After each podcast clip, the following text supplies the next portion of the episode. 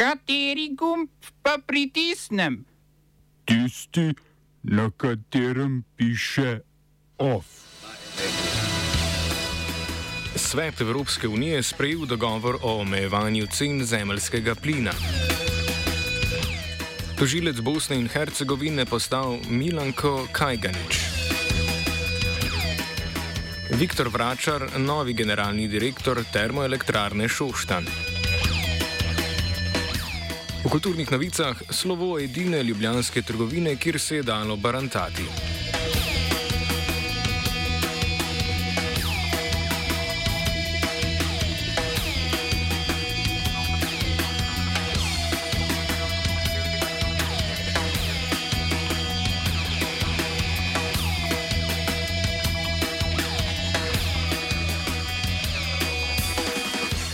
Predstavniki držav članic Evropske unije so sklenili dogovor za začasni dinamični cenovni koridor za transakcije z zemeljskim plinom. Deklarirani namen je omejitev previsokih cen in skokov v cenah. Sklep vključuje dogovor o skupni dobavi zemeljskega plina na ravni Evropske unije. Podjetje bi moralo v skupni nabavi podati povpraševanje za vsaj 15 odstotkov kapacitet svojih skladišč. Po navedbah predsednice Evropske komisije Ursule von der Leyen bo sklep predvsem omejeval cene na nizozemskem vozlišču za trgovanje zemeljskim plinom Title Transfer Facility, krajše TTF. To je veljalo za osrednje trgovalno vozlišče v Evropski uniji in zato je nan vezan indeks o določenju cen zemljskega plina. Vendar je zaradi izpada ruskega plina trg na nizozemskem mnogo manj aktiven in ne predstavlja več dejanske ponudbe plina v Evropi.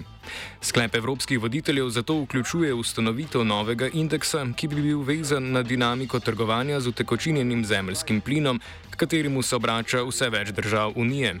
Voditelji držav članic Evropske unije se sicer niso uspeli dogovoriti glede cenovne kapice.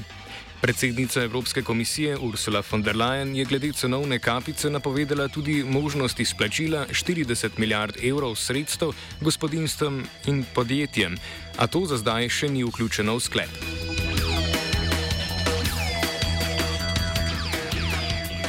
Italijanski predsednik Sergio Mattarella je v Kvirinalski palači sprejel voditelje strank desne koalicije, ki je slavila na parlamentarnih volitvah.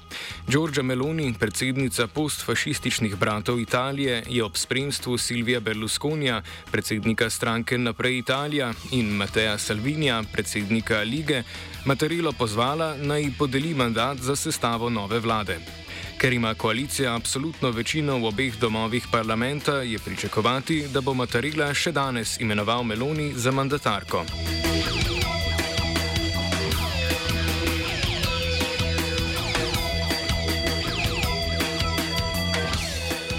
Glavni tožilec državnega tožilstva Bosne in Hercegovine je postal Milanko Kajganič.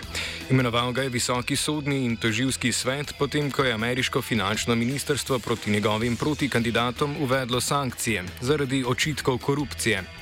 Med njimi je Diana Kajmakovič, ki je veljala za glavno protikandidatko. Kajmakovič je bila po informacijah američanov v korespondenci s kriminalnimi organizacijami na šifriranih komunikacijskih aplikacijah, kot sta Sky in Anom.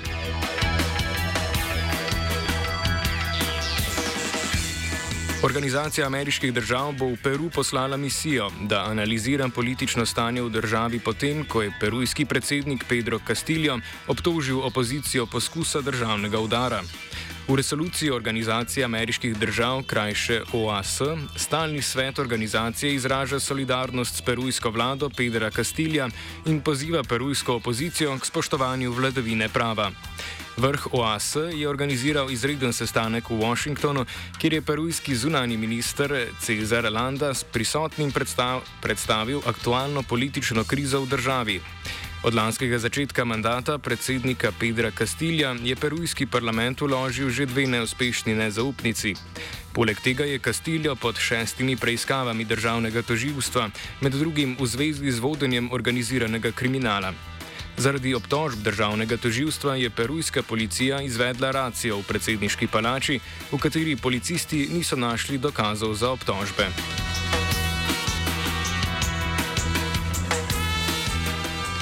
Rusko državno toživstvo je zaprtega predstavnika ruske opozicije Alekseja Navalnega obtožilo spodbujanja terorizma in političnega ekstremizma, za kar mu je lahko odrejenih dodatnih 30 let zaporne kazni. Navalni za zdaj služi 11-letno zaporno kazen zaradi korupcije in neupoštevanja sodnega procesa. Najnovejše obtožbe ruskih oblasti navajajo Navalnijev YouTube kanal kot vir za spodbujanje političnega ekstremizma in rehabilitacijo nacizma.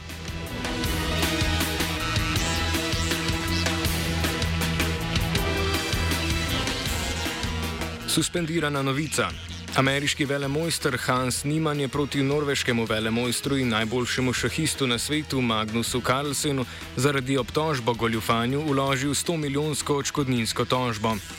Niman toži tudi spletno platformo chess.com in enega njenih direktorjev, mednarodnega mojstra Danja Renša, ter ameriškega velemojstra in streamerja Hikaruja Nakamuro.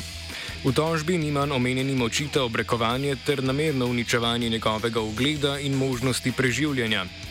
Do spora med Nimanom in Carlsinom je prišlo med septembrskim turnirjem v Singfieldu v St. Louisu, ko je Niman premagal Carlsina, ta pa je po partiji zapustil turnir. V izjavi, ki jo je Carlsen napisal zatem, je podvomil o usponu Nimanove šahovske kariere in ga obtožil, da je goljufal večkrat, kot je javno priznal. Komentira nekdani APR-ovec in velemojster Matej Šebenik, ki pravi, da je Nimanova tožba kulminacija vsega tega zelo intenzivnega dogodka, ki je potekalo uh, v bistvu zadnjem mesecu, da rečem temu, začetek nekega pravnega razpleta no, med temi upletenimi. Zdaj, kar se tiče šahovskega sveta, je jasno, da tole dogajanje, kjerkoli se bo pač odvilo ne, na ameriških sodiščih v Mizuriju, ne vem, kje že točno, ne, ne bo torej imelo prevelikega vpliva na glavni problem, katerim se sooča trenutno uh, šahovski svet. Ne, to je pač vprašanje goljufanja oziroma uporabe nedovoljene računalniške pomoči med partijami. Po Šebenikovem mnenju je najbolj pereče to, da je sklop vsega tega dogajanja prišlo do lika oziroma objave enega dokumenta za omenjene spletne platforme čez.com, na katerem je bil seznam vseh, samo da rečem temu, najbolj vidnih vele mojstrov, ki so jih njihovi algoritmi na njihovi spletni strani uh, ujeli pri uporabi nedovoljene računalniške pomoči. In moram reči, da ja, te podatki, te številke, razširjenost teh praks med torej igravci, ki bi morali predstavljati v bistvu svetlo točko kraljevske igre, je, saj, kot ne se še enkrat ponovim, za me najbolj strah zbujajoč in uh, te problematike seveda ne bodo reševala nikakršna sodišča, ampak uh, je tukaj zato predvsem v prvi vrsti odgovorna jasno Svetovna šahovska zveza s svojim pristopom do tega problema, torej z kaznimi za takšna početja, za pač jasno, odločno, kakršno koli politiko, ki uh, mora sedaj obsegati tudi igranje preko spleta. Mimo tega pač Svetovna šahovska zveza ne more več. Smo se osamosvojili, nismo se pa osvobodili. Naslednje število je še 500 projektov. Izpiljene modele, kako so se strani nekdanje LDS rotirali. Ko to dvoje zmešamo v pravilno zmes, dobimo zgodbo o uspehu. Takemu političnemu razvoju se reče udar. Jaz to vem, da je nezakonito, ampak kaj nam pa ostane? Brutalni obračun s politično korupcijo. Je Slovenija, tukaj je naša zemlja, to je Slovenija, Slovenija, Slovenija. Novi generalni direktor termoelektrarne Šuštan je Viktor Vračar. Z njegovim imenovanjem je soglašal nadzorni svet holdinga slovenske elektrarne, krajše HSE, ki je predtem potrdil sporazumno prenehanje vračarjeve funkcije generalnega direktorja družbe HSE. Vodenje Teša bo prevzel 8. novembra, ko bo nasledil Matjaža Voduška, ki je z mesta generalnega direktorja Teša odstopil v ponedeljek iz osebnih razlogov. Po pisanju časnika Finance je prvi favorit za prevzem direktorske funkcije družbe HSE Tomaš Štokel, ki je trenutno zaposlen v Geniji.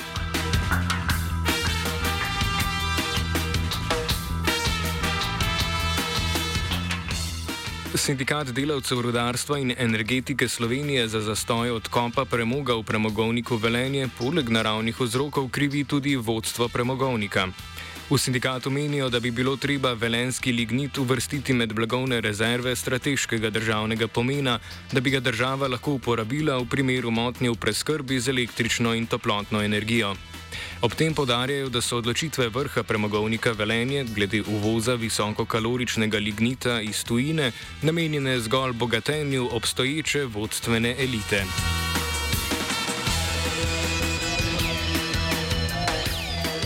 Parlamentarna komisija za nadzor obveščevalnih in varnostnih služb, krajše KNOVS, je zapolnjena z vsemi člani. Kolegi predsednice državnega zbora je potrdil novo sestavo komisije. Mesta, ki sicer pripadajo poslanski skupini Slovenske demokratske stranke, bodo začasno prevzeli poslanci Nove Slovenije. SDS svojih članov v KNOVS ni predlagala, ker se ni strinjala s porazdelitvijo predsedniških in podpredsedniških mest v delovnih telesih.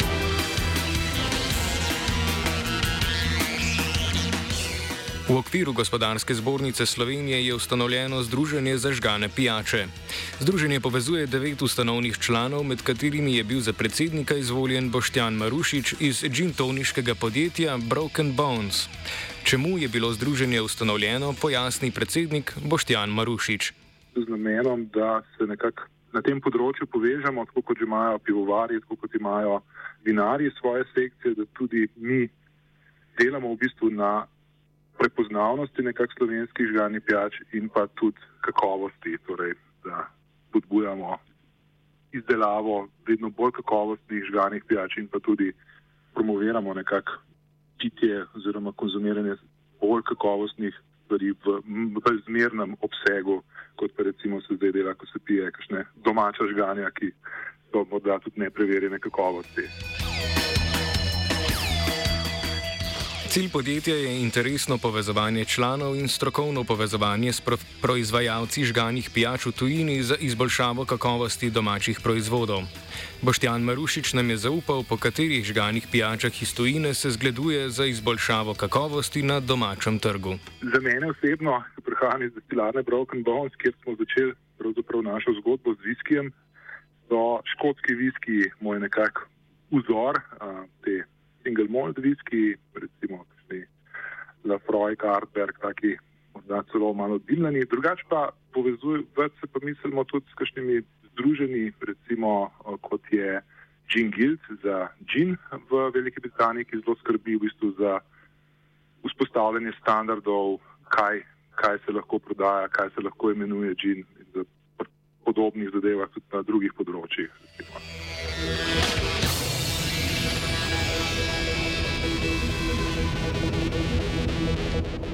OF je pripravil vajenec Jan, mentoriral in suspendiral je žiga.